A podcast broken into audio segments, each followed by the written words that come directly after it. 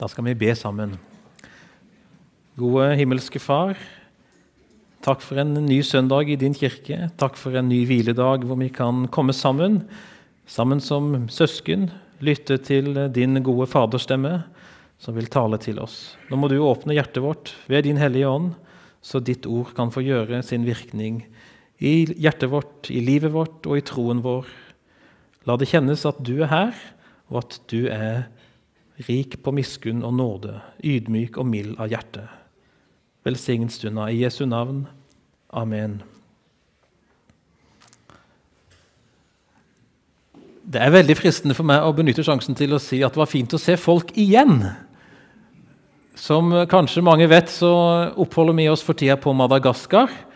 Eh, familien og meg. Akkurat nå er vi riktignok på en annen fagerøy, ikke så langt herfra. Den er ikke fullt så stor, og de snakker ikke fullt så merkelig ute på Nøtterøy. Men eh, øy er det i alle fall. Sigrid og meg og ungene er altså på Madagaskar for NMS og Delk og Wycliffe og driver med bibeloversettelse. Men akkurat nå har vi sommerferie, og da benytter vi sjansen til å hilse på venner og kjente, familie både i Delk og andre steder, og det er vi veldig glad for. Og så er det flott å få lov til å forkynne og holde gudstjenester når vi først er hjemme. og Senere skal Sigrid fortelle litt mer om hvordan livet ser ut på den andre sida av jordkloden. Nå skal vi lese sammen og lytte til det som er evangelieteksten på 9. søndag i treenighetstida. Den finner vi hos Matteus i kapittel 11, tre små vers 28, 29 og 30 og vi reiser oss og lytter i Jesu navn. Kom til meg, alle dere som strever og bærer tunge byrder, og jeg vil gi dere hvile. Ta mitt åk på dere og lær av meg, for jeg er mild og ydmyk av hjerte. Så skal dere finne hvile for deres sjel.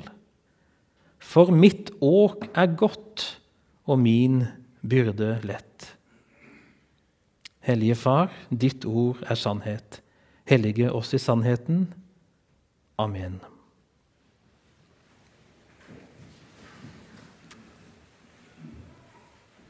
I dag har vi fem eh, overskrifter, og det er så praktisk, for det er fem fingre på hånda for de fleste av oss.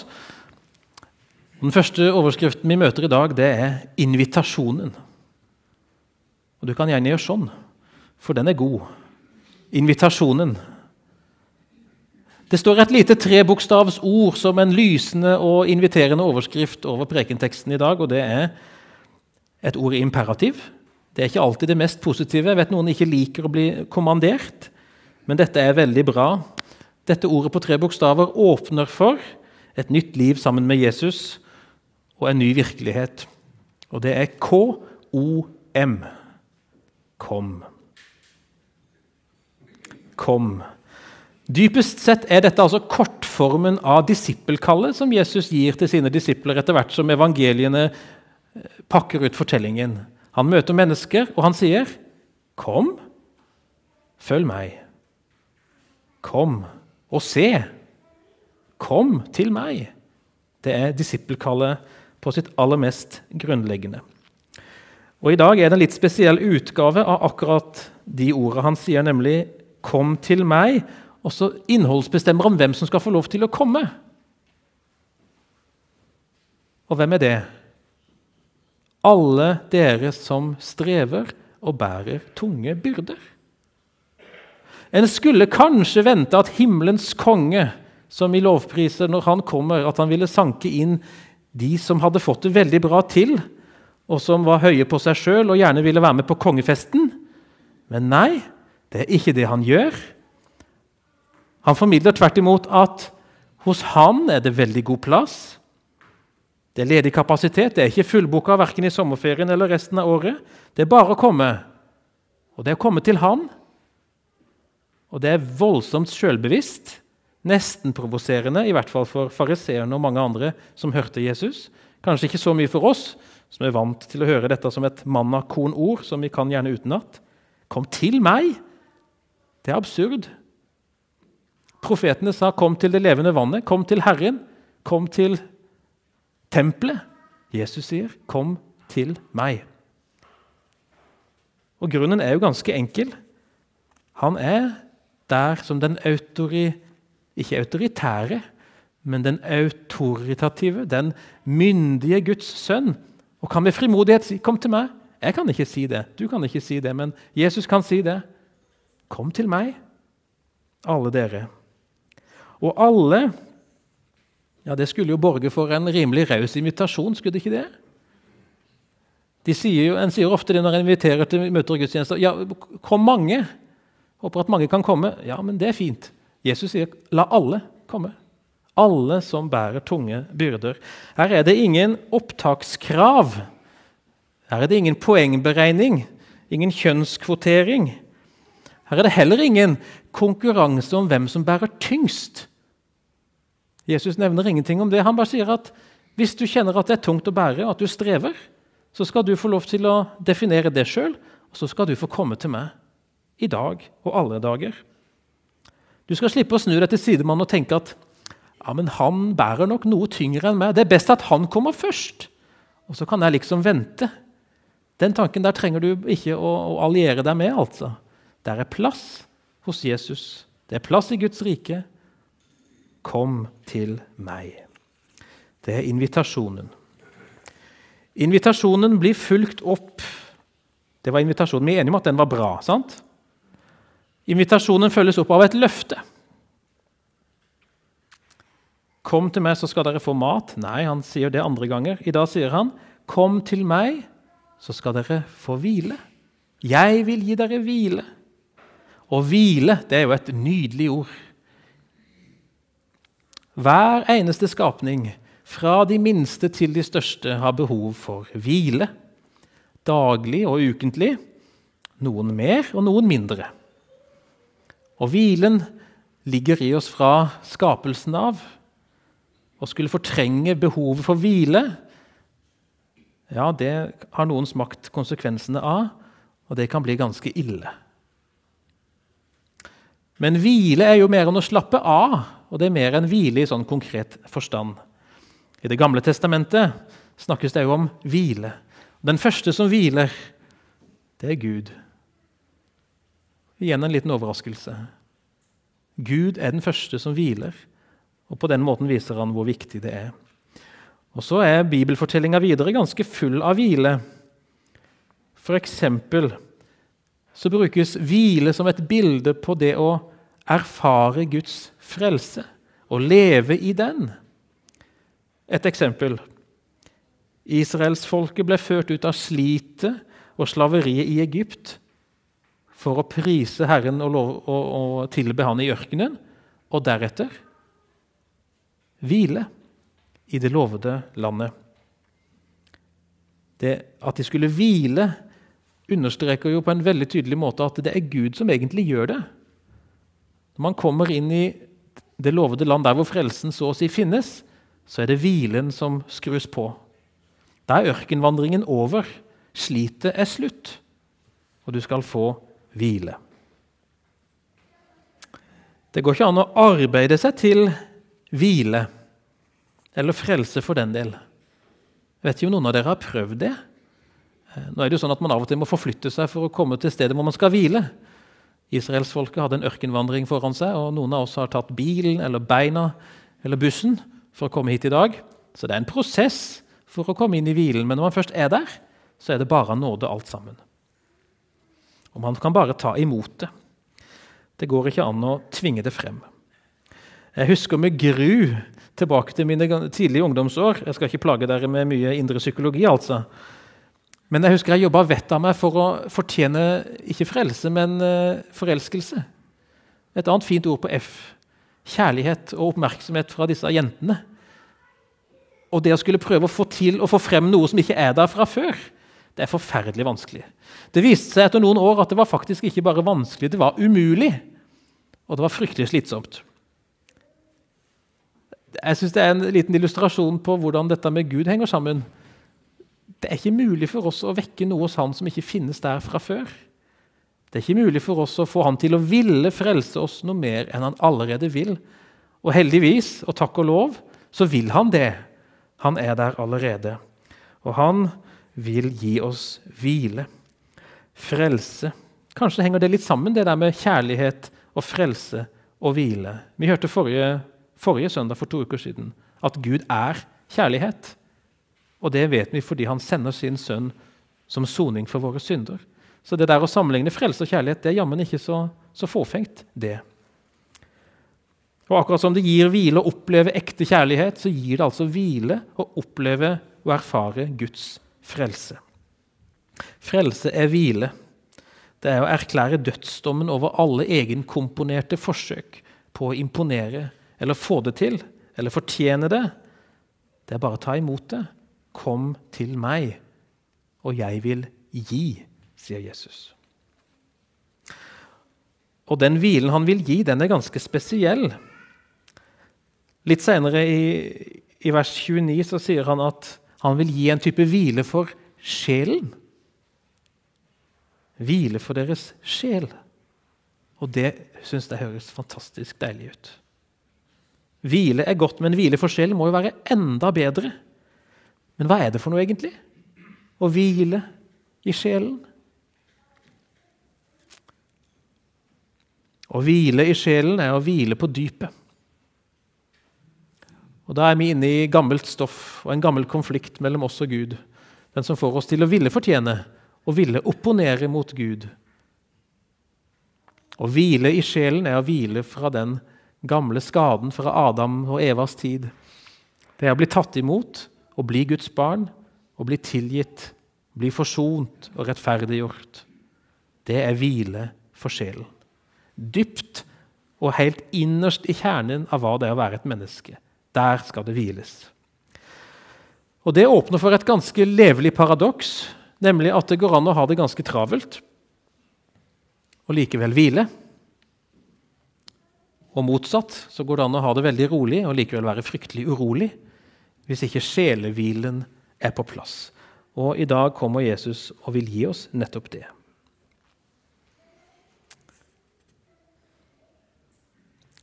Jeg vet ikke om noen har tenkt over det, men i dag er det altså hviledag. Det er ikke det første jeg tenker på når jeg står opp, fordi mine søndager ligner utrolig mye på onsdager og torsdager og andre dager. fordi at alt det daglige skal gjøres. Ungene skal ha på seg klær. De skal ha mat i livet. Så den der hviledagstanken den kommer seilende litt lenger ut på dagen, og kanskje først på kvelden. Men hviledagen Gud altså hvilte sjøl på den første dagen. Og som jeg sa i sted, så har vi gjort noe for å komme hit for å ha en times hvile i Guds, i Guds hus. Og dypest sett så tenker jeg meg at den, den vandringen vår hit på mange måter speiler israelsfolkets vandring gjennom uka. Vi har egentlig ikke bare gått i dag, men vi har gått helt siden mandag, eller siden forrige søndag klokka kvart over tolv, for å komme til denne hvilestasjonen her. Og I dag er det melk og honning på menyen. Det er kjærlighet og nåde. Det å komme sammen som menighet til gudstjeneste sånn som vi gjør nå, det er jo et forbilde på den store samlingen som vi venter på en dag der fremme. Den dagen skal vi få gå inn til den store hviledagen. Hebreerbrevet skriver om det. Så er det da enda en hviledag i vente for Guds folk. Og Da er det snakk om den evige tilstanden. Da handler det om å komme til himmelen, som vi gjerne sier eller å bli henta til det nye Jerusalem, hvor alt strev og slit skal opphøre. Men det blir ikke inaktivitet. For hvile er jo ikke bare inaktivitet, er det vel? Noen ganger må man ned i hvilemodus og sitte stille for å hvile litt. Men det er ikke sånn at man må gjøre ingenting. Det skal vi heller ikke gjøre i himmelen. Der er vi lova en lang rekke av lovsang og tilbedelse og vi skal vandre på gater av gull. Ikke inaktivitet, men meningsfylt rekreasjon. Livgivende aktivitet som springer ut av Guds godhet og nåde. Det er punkt nummer to. Løftet om hvile. Ta det til deg. Hold fast i det. Du er invitert til å hvile. Så langt, så godt. Så begynner Jesus å rote det til er det noen som opplever. Han begynner å snakke om den tredje saken i dag, og det er åket. Åket. Smak på det, du. Det kan få det til å velle i munnen. Det er vanskelig å si det, nesten. Et åk. Noen syns det ordet er vondt og, og ekkelt, og jeg, jeg skjønner hvorfor. tror jeg. For saken er jo den at selv om vi har dette løftet foran oss, så skal vi i mellomtida vandre på helt vanlige gater og stier. Og vi skal slite oss fra dag til dag.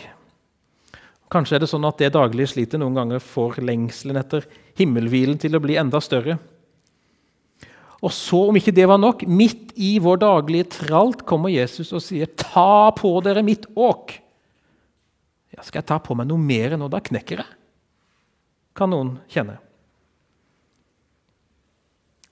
Men så er det egentlig ikke det som skjer, og dette skal vi stoppe litt for. Et åk må du antagelig på et museum for å se. Men det kanskje er det sånn at noen av dere som har vokst opp i nærhet til gårdsdrift og landbruk, har brukt et åk noen gang.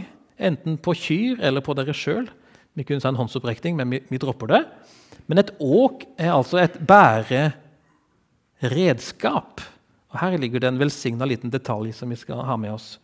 Åket er et redskap. Det er ikke selve byrden.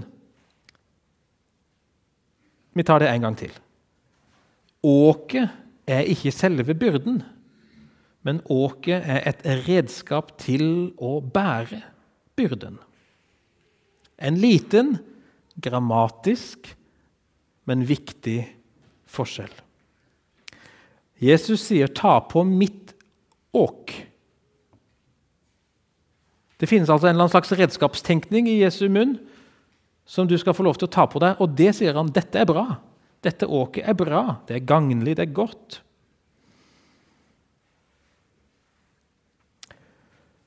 Hva er dette åket for noe? Hva er det Jesus snakker om? For det første Jesus har aldri lova noen noen quick fix på alle livets problemer. Det høres jo nesten sånn ut 'Kom til meg, så skal dere få hvile.' Ja, tusen takk. Men sannheten er jo at vi skal leve. De fleste dager skal vi leve, og midt inni det finnes det en hvile. Og hvilen knyttes til åket og knyttes til det som Jesus vil gi. Hva er det han vil gi? Hva er det som er så godt med dette åket? Vi skal få et nytt redskap. Og I bunn og grunn så er det når Jesus sier 'ta mitt åk på dere og lær av meg', så er det igjen disippelkallet de tre små bokstavene 'Kom'. Kom og ta. Å ta på seg et åk brukes om å innordne seg under noens autoritet eller læreembete. Og i dette tilfellet er det Jesus. Og Det ligger under her en kontrast mellom fariseerne og det de drev med på Jesu tid. De la et åk på folk, og det var lovens åk. Det betydde å følge loven. Og så la de på ganske mye mer enn det, så det ble ganske tungt å bære. Det ble rett og slett knekkende tungt. De la byrder på det som skulle være et åk som skulle hjelpe folk til å leve. Og Det kan jo skje i kristen sammenheng òg. Jeg tror vår historie kanskje noen ganger kan inneholde noe av det. At vi har ikke lagt på Jesu åk, men Jesu byrder. Så har vi skulle bære de sjøl. Og Så kan vi finne på andre ting i dag som kan tilsvare det, og som kan gjøre livet vanskeligere enn det skulle være. Vi legger tilleggsbører på folks skuldre så de knekker. Men det er ikke det Jesus inviterer til. Han sier at dette åket er godt. Og da har jeg ingen annen løsning på det enn å si at åket må jo være den frelsesgaven Jesus vil gi. Det må være å følge ham og være hans disippel. Å leve i hans nærhet og ha han som medvandrer på veien. Det må være dette åket. Og Da skjønner vi jo at det å leve med åket til Jesus, det er å leve i tro. Og det å leve i tro, det er å leve med et redskap i livet som kan gjøre livet noen ganger enklere. Uten å ta bort byrdene, men å hjelpe deg til å bære dem. Og forskjellen er ganske stor, og antagelig ganske viktig. Det er ikke sånn at alle problemer og humper i veien og alle paradoksene forsvinner ikke med ett når vi har sagt dette. Men jeg tror det er rett likevel. Livet er jo ikke så like fram bestandig, og det tror jeg mange av oss vet og erfarer. Og Det kan være irriterende og smertefullt at selv om vi lever i Guds nåde og kjærlighet, så er livet ganske tungt. Og det kan kreve nesten alt iblant. Og vi kan noen ganger tenke hvor ble det av han? Hvor ble det av dette åket? Har jeg egentlig fått det i det hele tatt? Har han forlatt meg her på veien? Vi kan møte på både sykdom og fattigdom. Det kan være konfliktstoff eller personlige sår, forfølgelse, sjikane. Romerbrevet kapittel 8 som vi hørte lest, lista opp en hel lang rekke med smertefulle og lidelsesfulle ting som menneskelivet ofte består av, som mitt og ditt liv inneholder. Men midt i det så var det en triumferende tone. Ingenting av dette kan skille oss fra Guds kjærlighet til Jesus Kristus. Han er med. Iblant umerkelig, men han er med. Og Det kan mange mennesker vitne om. Jeg skal dele to enkle vitnesbyrd med dere. De er ikke mine egne. I sommer så har Sigrid og jeg deltatt på medarbeiderdager for NMS-ansatte. Det har vært veldig trivelig, og det har vært inspirerende på mange måter. Og Der fikk vi møte en dame fra Sør-Afrika. Nå er det jo sånn at NMS har gjenopptatt kontakten med Sør-Afrika og vil igjen støtte den lutherske kirka der. Sånn som de gjorde den gangen Ulf og Toril Asp hadde sin misjonstjeneste der. Derfor var det første gang nå at noen fra Sør-Afrika deltok i et fellesmøte for NMS-ansatte. Og Vi fikk hilse på Puti, en dame på rundt 50 år som vokste opp under apartheid. Dere kjenner til dette. Det umenneskelige og groteske politiske systemet som undertrykte svarte i, i Sør-Afrika og gjorde livet utrolig vanskelig for dem. Og Hun var utfordra til å si noe om erfaringene med dette. Hvordan var det egentlig å være ungdom under apartheid? Og fortalte med innlevelse og med engasjement og med stor smerte om hvordan det kjentes. De unge svarte fikk ingen utdannelse i hvert fall veldig lite. Den utdannelsen de fikk, den var innretta for at de skulle bli gode tjenere hos de hvite overherrene. Da hun og venninnene gikk til byen som tenåringer, så var de vant til at de hvite guttene spytta på dem. Det måtte de bare finne seg i, for de visste at sånn var det. Det var ingen som kunne opponere mot det. Fremtidsutsiktene var mildt sagt begrensa. Og en ung sørafrikansk svart jente skrev i en stil på skolen om hennes drøm hva hun skulle bli når hun ble stor. Hun ønska å kunne bli en hund. En hvit manns hund. For de ble godt passa på, de fikk nok mat, og de hadde alltid et varmt og godt sted å bo. Og sånn hadde ikke hun det. Er en virkelighet som bare er fullstendig himmelropende urettferdig. Og en, tenker, en spør hvordan kan noen utholde, hvordan kan noen leve med og i et sånt system uten å knekke fullstendig? Poti hadde svaret. Hun sa det som fikk oss gjennom det hele, det var troen. Det var tilhørigheten til kirka. Det var Jesus som fikk meg til å holde ut dette onde og vonde. Uten han så hadde det kanskje ikke gått. Det er utrolig sterkt. Kom til meg, så skal jeg gi dere hvile. Et annet eksempel. Mange av våre venner og kollegaer på Madagaskar lever og kjemper en hard strid i det daglige livet. Matprisene går i taket, lønningene står stille. Det politiske systemet er mildt sagt på vei ned. Det er veldig mye krevende.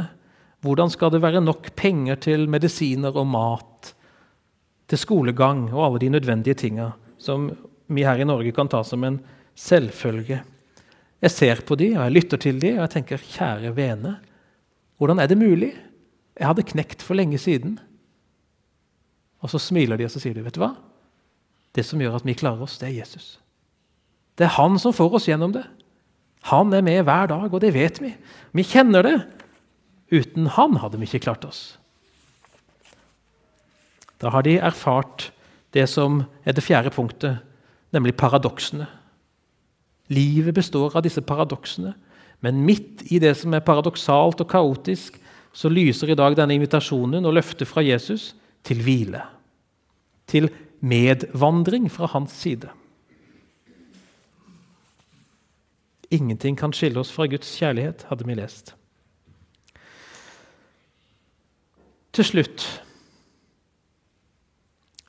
Jesus legger ikke på oss noen ny byrde, har jeg sagt. Og det er nesten sant. Det som nettopp kan skje i samlivet med Jesus, det er at det kan fødes en ny byrde innenfra. Og det skjer når vi får dele det som er Jesu byrde. Og det er det som handler om at de som ikke enda har fått invitasjonen, skal få den. Den byrden vil Jesus gjerne få dele med oss. For det er ingenting som ligger han mer på hjertet enn at flere skal få ta imot invitasjonen og komme. Derfor drives det misjon. Den som har fått letta av syndebyrden hos Jesus, blir ganske straks forvandla til en som viser andre inn til det samme stedet. Og det ser litt ulikt ut for oss, og det er greit. Det er ikke sånn at alle byrdebærere bor i Afrika. Det bor noen på Nøtterøy, og det bor noen på Eik, og det bor noen rundt forbi. Og du og meg, denne menigheten, Delk, er en del av byrdeavlettingstjenesten. Vi har fått letta av våre egne byrder, og vi har fått lagt Jesu åk på oss. Og han innlemmer oss i sin misjon, i sin aksjon for å lette byrden hos mange flere. Og han vil gi oss styrke til det. Han vil gi oss råd og visdom til det. Og han vil gi oss hvile så ofte som vi trenger det.